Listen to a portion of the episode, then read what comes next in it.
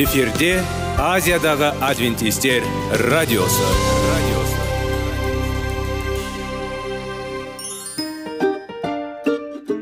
Сәлем достар. Денсаулық өмір бұлағы және біздің бірінші байлығымыз демекші денсаулық сағаты рубрикасына қош келдіңіздер. Біздің рубрикада біз әртүрлі факторларменен мәліметтерменен кеңестерменен бөлісіп шын жүректен сіздердің дендеріңіз сау болғанын қалаймыз. Сол үшін біздің рубрикаға қош келдіңіздер. Дайындалып тұрыңыздар. Өйткені келесі минуттарда қызықты фактілерге ие боласыздар. Енді достар ең бірінші байлығымызды қолымызға алып алға кеттік.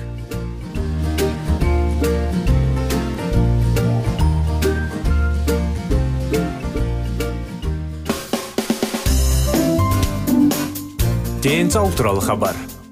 Денсаулықтың ашылуы. Күн сайын сөз үшін күшті кеңестер соңғы жаңалықтар қызықты факторлар. Біздің рубрикада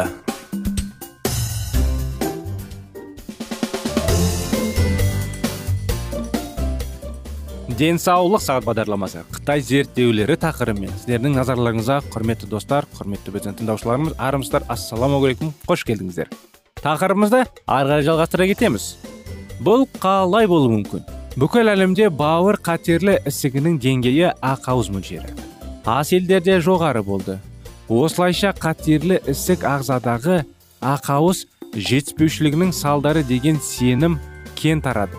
Сонымен қатар бұл біздің филиппиндегі жұмысымыздың басты себебі болды. Оның мақсаты нашар балалар арасында ақауыз қабылдауды барынша арттыру болды. Енді доктор каедо мен оның әріптестері маған ақауызды көп тұтынатын балалар көбінесе бауыр қатерлі ісігінен зардап шегетінін айтты. Басында бұл маған ел болып көрінді. Бірақ уақыт өте келе менің жеке мәліметтерім бұл жазбаларды көбірек растады. Ол кезде белгілі бір медициналық журналда ақпарат жарияланды. Индияда жүргізілген зерттеу туралы мәлімдеме зертханалық егей құйрықтардың екі тобында бауыр қатерлі ісігі мен ақауызды қабылдау арасындағы байланысты ашқан эксперимент сипатталған. Бір топқа афлатоксин берілді содан кейін оларға 20 пайыз ақауыз бар тағам берілді екінші топқа афлатоксин бірдей мөлшерді берілді бірақ олардың тағамында тек 5 пайызы ақауыз болды 20 пайызы ақауыздан тұратын әрбір егей құйрық бауыр қатерлі ісігі немесе онымен бірге жүретін қатерлі ісік аурумен ауырады бұл жас статистикалық қателік емес еді бұл 100 пайыздан 0 пайызға қатынасы болды. Бұл менің филиппиндік балаларды бақылауыма сәйкес келді. Қатерлі ісікке ең сезімтал диетада ақауыз көп болатын адамдар болды. Үндістаннан ешкім бұл есепке мән бермеген сияқты. Детройттан есеп берген конференциядан оралғанда мен массачусетс технологиялық институтының бұрынғы әріптесімен бірге ұшып кеттім. Бірақ онда да жоғары профессор пол ньюберн. Ол кезде ньюберн тамақтанудың қатерлі ісік ауруларын дамуына әсерін кеңінен талдаған санаулы адамдардың бірі болды. Мен оған филиппинде алған әсерім туралы және үндістан ғылымдарының мақсалары туралы айттым. Ол ұзақ ойланбастан мақаланың ойларының қабылдамай олар тордағы сандарды жануарлармен шатастырған болу керек. Ақауыз мөлшері жоғары диета қатерлі ісік ауруының қаупін арттыруы мүмкін. Мен өзімнің әріптестерімнің сенімсіздігі мен тіпті ашу ызасын тудыратын өрескел ойға тап болғанымды түсіндім. Мен ақауызды жеу қатерлі ісік ауруының ықтималдығы арттырылғаннан және безум ойсыз деп өту қаупін көрсеттің байқауларға мән беруім керек пе немесе жақсы ұмытып бұл тарих? Менің мансабымдағы бұл сәт белгілі бір дәрежеде жеке өмір оқиғаларымен алдын ала анықталған сияқты. Мен бес жасымда бізбен бірге тұратын тәтем қатерлі ісіктен қайтыс болды менің ағам мені және ағам дәжетті джекті бірнеше рет ауруханаға әйеліне қонаққа жіберді. Мен болып жатқанның бәрін түсіну үшін тым кішкентай болсам да мен бұл сөздерді қатерлі ісік бас әріпмен қалай ұрғаным есімде. Мен? Ол кезде мен өскенде қатерлі ісік ауруын емдеуді ойлап табамын деп ойладым. Көптеген жылдар өткен соң үйленгеннен кейін мен филиппинде жұмыс істей бастаған кезде әйелімнің анасы тоқ ішек қатерлі ісігінен қайтыс болды. Ол әлі жүз әйел емес еді. Ол небәрі елу бір жаста еді.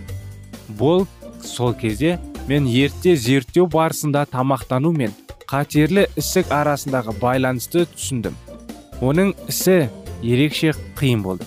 Өйткені ол сақтандырудың жоқтығынан қажетті медициналық көмек ала алмады. Менің әйелім карен оның жалғыз қызы болды және олар өте жақын болды. Бұл қиын тәжірибелер менің мансабымдағы бағытты таңдауға келді. Мен осы қорқынышты аурудың табиғатын жақсы түсіну үшін зерттеу нәтижелері қайда болса да соның дейін баруға дайын болдым ретроспективада мен өзімнің фесанинальды іс әрекетіме тамақтану және қатерлі ісік қиындықтарына назар аударуды таңдағымды түсінемін. Мен ақауыздың тамақтануы мен қатерлі ісіктің пайда болуы арасындағы байланысты зерттей бастаған сәт менің мансабының басты нүктесіне айналды. Бұл мәселені зерттеуді тек негізгі зертханалық зерттеулермен айналысу арқылы жалғастыруға болды. Бұл ақауызды тұтыну қатерлік ісік ауруынан қауіпін арттырып қана қоймай оның қалай пайда болатынын да білуге мүмкіндік берді. Менің жасады. Бұл мені ойлағанымнан да алыстатты. Әріптестерім студенттер және мен жасаған керемет тұжырымдар сіздің қазіргі диетаңыз туралы терең ойлануға мәжбүр етуі мүмкін алайда ең бастысы біз алғаны нәтижелері бізді тамақтану және денсаулық туралы ғылымның негізгі негіздерін өзгерте алатын кен сұрақтар қоюға мәжбүр етеді ғылымның табиғаты зерттеу жүргізу үшін не білуіңіз керек ғылыми дәлелдемелер зыпқи медицинада абсолютті дәлелдерді табу биология химия және физика сияқты негізге ғылымдарға қарағанда қиынырақ мүмкін емес ғылыми талдаудың басты мақсаты бұл дұрыс нәрсені анықтау. Бұл денсаулықты зерттеу статистикаға сүйенетіндігіне байланысты. Допты жоғары лақтырған кезде ол құлап кете ме? Иә бұл әрдайым болды. Бұл физика егер сіз күніне төрт қорап темекі шегетін болсаңыз сізде өкпе қатерлі ісік болады ма? Жауап мүмкін. Сізде темекі шекпейтіндерге қарағанда өкпе қатерлі ісігінің пайда болу ықтималдығы әлде қайда жоғары екенін білемісіз және сізге осы сенімділік статистика туралы айтамыз. Бірақ сізде өкпе қатерлі ісігі бар. Жоғын нақты айта алмаймыз. Осындай анықтама құрметті достар. Әрине қытай зерттеулер тақырыбымен аяқталмады. Бағдарламамыз келесі жолда жалғасады. Бұл тақырыппен келесі бағдарламаға дейін сау болыңыздар.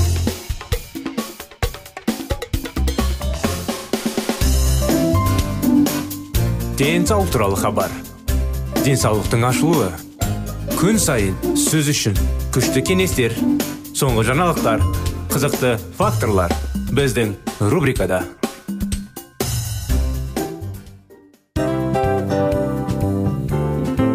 Әуелі байлық денсаулық екінші байлық он саулық үшінші байлық ақ жаулық. Ал енді осындай радио парақшадан кейін не дейміз?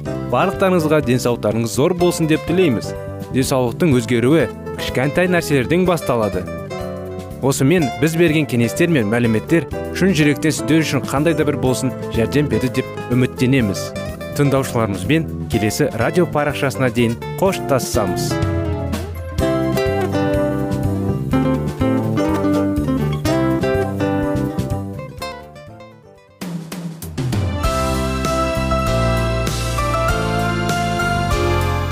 эфирде азиядағы адвентистер радиосы.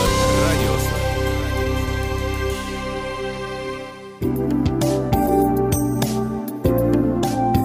сәлем достар. Барлықтарыңызға шын жүректен сөйлесек рубрикасына қош келдіңіздер деп айтпақшымыз. Шын жүректен сөйлесек бағдарламасы әртүрлі қызықты тақырыптарға арналған. Шындығында шын жүректен сөйлесек деген сөздің мағынасы екі достың екі адамның ортасындағы шын жүрекпен сөйлесуі бір біріне сенуі ашықтық пен шындықты білдіреді. Сол үшін біздің бағдарламалар әртүрлі қызықты тақырыптарға арналған. Дайындалыңыз жаңа қызықты мәліметтерге ие болуға. Ондай болса кеттік.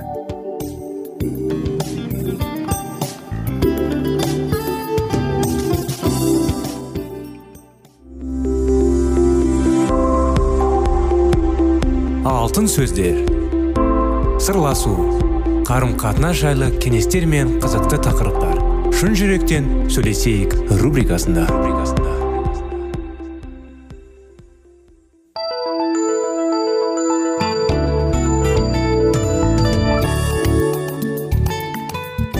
Сәлем достар. Армысыздар құрметті радио тыңдаушыларымыз сіздермен бірге шын жүректен сөйлесейік бағдарламасы. 25 керемет неке оқиғаларын жалғасудамыз соны ары жалғастыра кетейік. Шешенің өте орташа екендігі анық болды. Өзі ол айтқан. Қашан ғана болды мәсіх? Сүйіну жиналысында алмады байланыстыру және екі сөзден иса мәсіхтің туралы көпшілікке емес және әңгімеде айтқан кезде одан да жақсы болды. Олар нейлмен бірге бейсболды тастап жұмыс істеуге баруды талқылады. Мәселе мында. Ол филадельфиямен өте тиімді келісімшарттар қол қойды. Бұрын ол анасы мен ағасына ақша жіберген. Ал енді әйелін де кішкентай қызын да асырау керек еді. Иеміз бейсбол лақтырып бұрын алған нәрсенің алтыншы бөлігі үшін жұмыс істегісі келеді ме? Сонымен қатар жарты жылға кемшіліктерді ме? Билли дірілдеді. Ол еден оған анық белгі беруді сұрады. Әсіресе табысқа жете алмай ол филадельфияға қол қойылған келісімшартты бұзу туралы өтініш жолдады. Ол ием егер маған 25 наурызға дейін жауап бермесе осы уақытқа жаттығулар бастау керек. Онда мен бейсболмен айналысуды қалайтынымды шешемін деп дұға етті. 17 наурызда ол келісімшарт бұзу туралы растауды пошта арқылы алды сол күні қызыл нәсілдің оған бір жылға өте тиімді келісімшарт ұсынды. Билли мұнайып ол қайтадан не істеу керектігін білмеді. Неге құдай оған нақты нұсқа берген жоқ? Ол нейл барды және ол бұл туралы ойлайды деп сұрады. Ол қиын мәселелерді шешуге әрдайым жақсы жұмыс істеді. Және бұл істе ол күмәні жоқ еді. Ол былай деп жауап берді.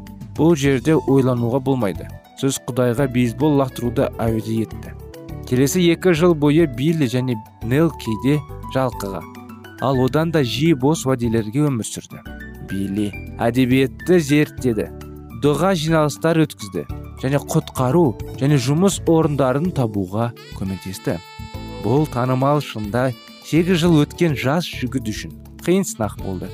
1893 жылғы қажы тағдырысы пайда болған кезде.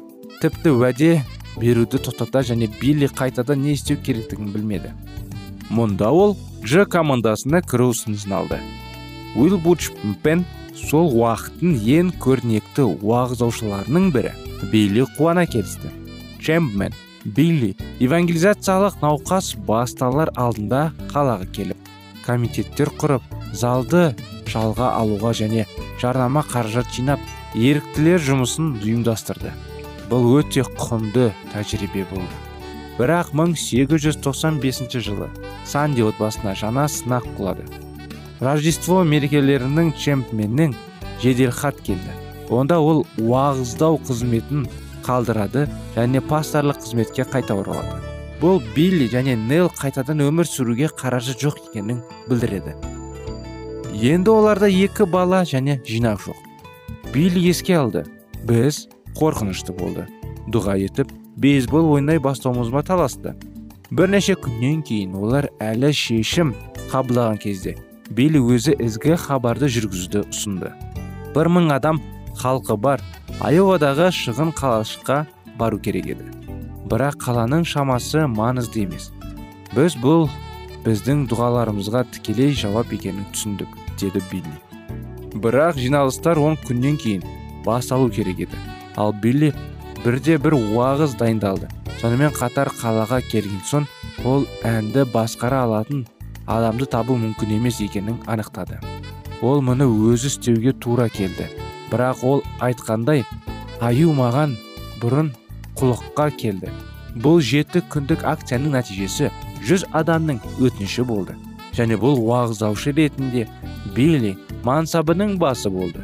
Келесі бес жыл ішінде ол орта батысының шағын қалаларында алпыс евангелиялық акциялар өткізді. Науқанның соңғы күнінде жиналған қайырымдылықтар оның өмір сүруіне өте сенімсіз болды. Жыл сайын нел оның жұмысына көп қатысты.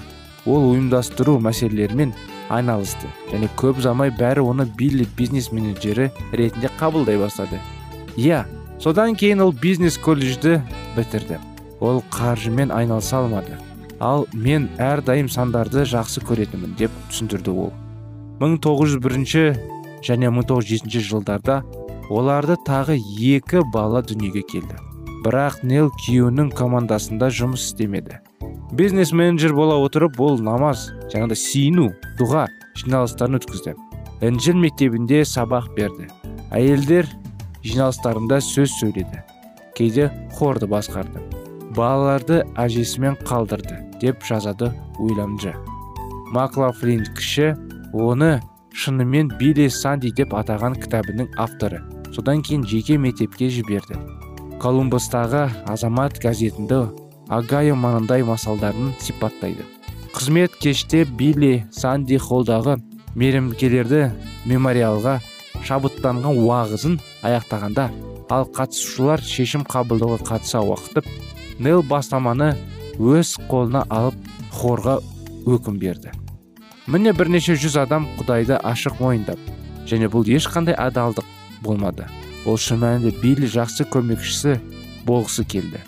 Ресми биограф санди уильям эллис былай деп жазды. Миссис сандидің күйеуіне әсері үлкен болды. Олар достық жұп болды және ол оның пікіріне толығымен сенді. Ол оның бас кеңесшісі болды. Ол онымен келіспей ешқандай маңызды шешімдер қабылдаған жоқ. Ол үздіксіз бірге жүрді. Барлық жиналыстарға қатысты. Оның барлық істерін біліп оны сүйікті ана ретінде өзі қарады. Бірнеше жылдан кейін сенде уағыз стилі өзгерді. Алдымен ол джеу уилбру чемпмен бірақ бірге оның стилі тірі драмалық және жақын тыңдаушыларға айналды. Мінекей бұл оқиғаның және аяғы аяқталмады. Оны келесі жолы жалғастырамыз. Өкінішке орай бағдарламамыз аяғына келді. Келесі жолға сау болыңыздар.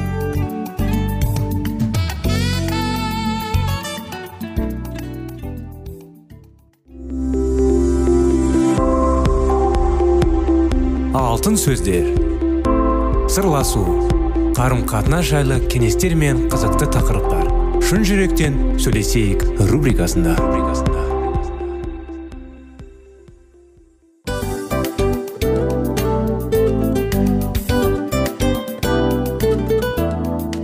Құрметті достар барлық ең соңғы кеңестер аяқталған соң біздің программамыз соңына келіп қалды.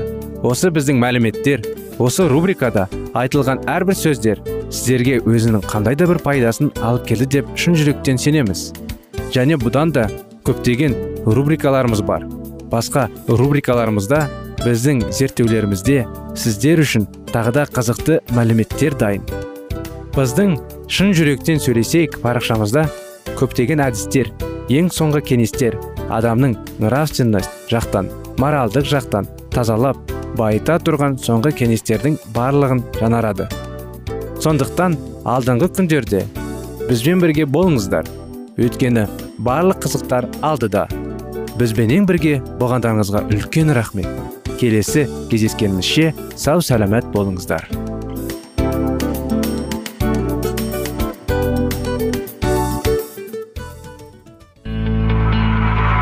Жан дүниеңді байытқан жүрегіңді жаңғыртқан өмірдің мағынасын ойландырған рухани жаңғыру рубрикасы.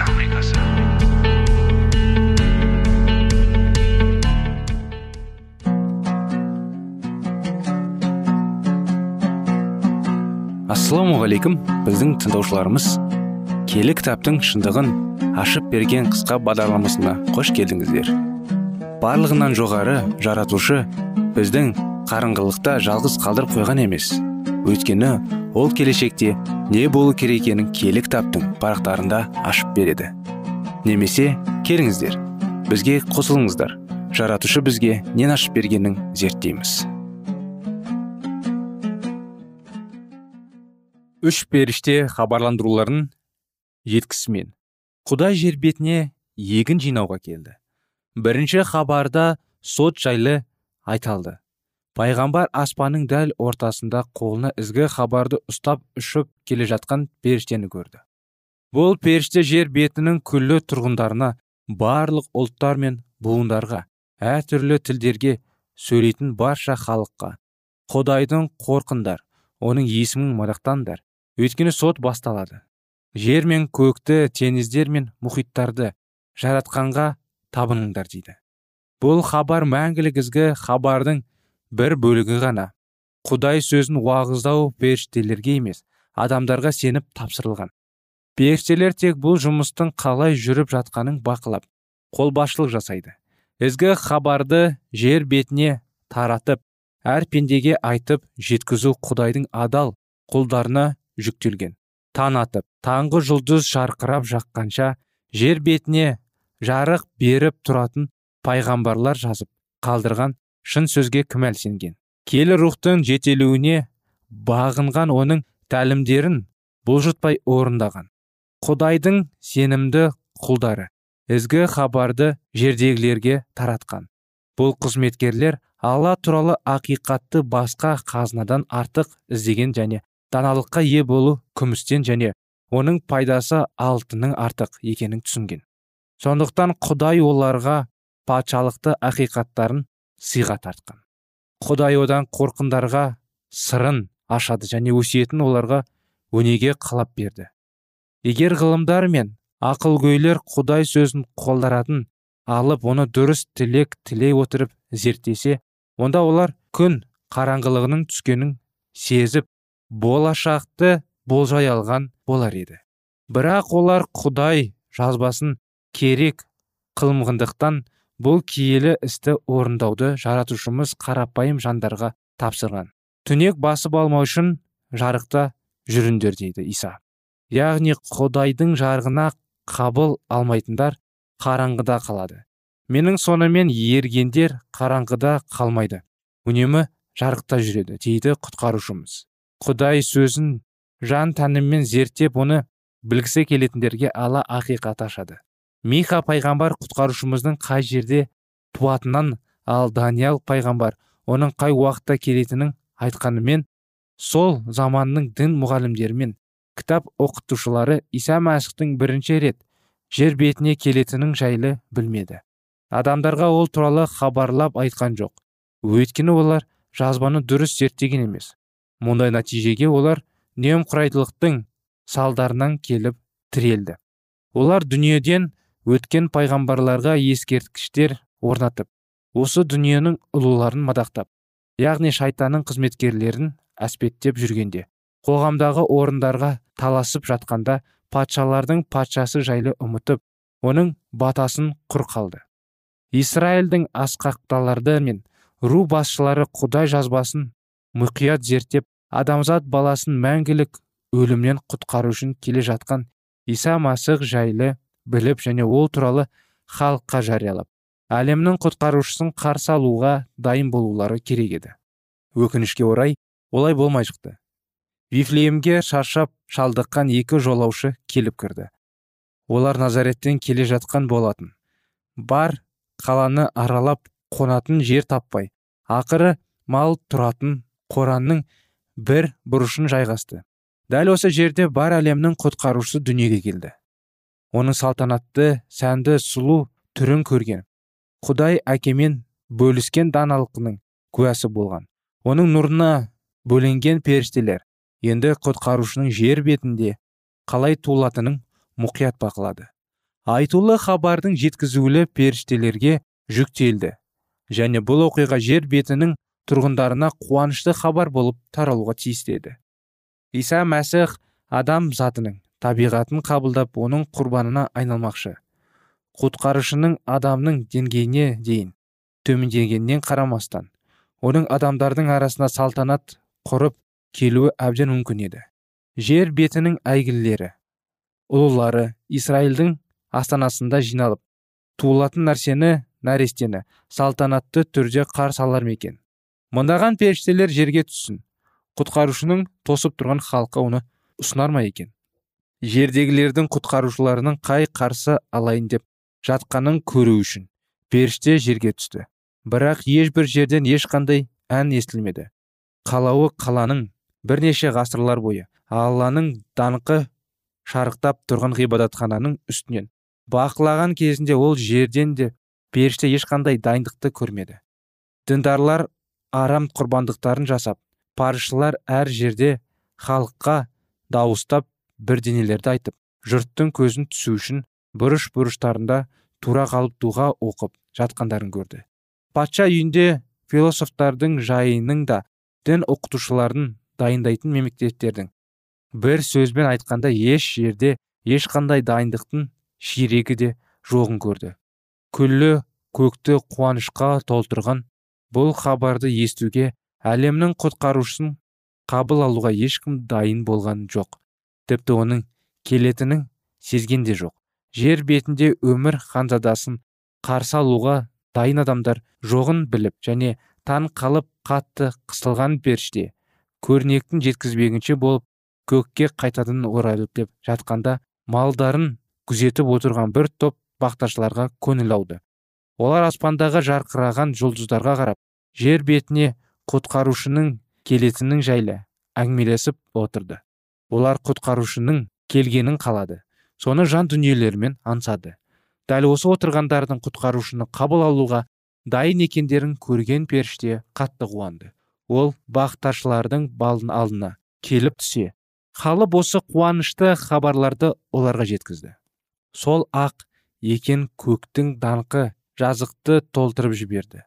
Айтулы хабардың қуанышты және де маңызды болған соншалықты. Оны бір ақ хабаршы жеткізуі мүмкін емес еді. Сол жазықтық періштелер толып қуанышты хабар сұлу әнге ұласты. Заңғар көкте құдай мадақталсын жерге берке бірлік орнап адамдарға тыныштық болсын. Осы вифлеемде болған тарихи оқиғаның қаншалықты мәнді екенін адамзат білсе ғой. Бұл оқиға адамдардың бойларына сініп кеткен меншіліктерді тәкаппарлықты сенімсіздіктей айқын ешкірлейді. Ол адамдарды.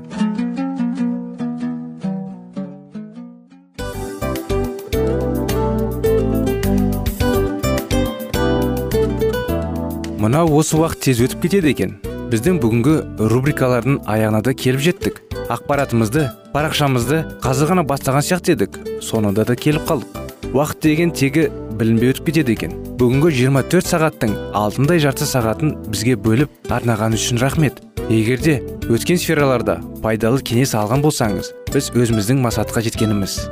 Кеңестерді қолданам десеңіз өзгерістерді кішкентай қадамдардан бастап іске асыра беріңіздер де жасағандарыңыз үлкен үлкен жетістіктерге жете берсін.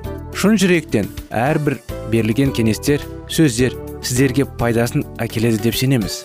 Сіздермен бірге кездесулерімізді сөзсіз түрде асыға күтеміз. Сәтті күн тілеп сіздер менің ұзаққа қоштаспай келесі кездескенімізше тек қана сау саламатты болыңыздар дейміз.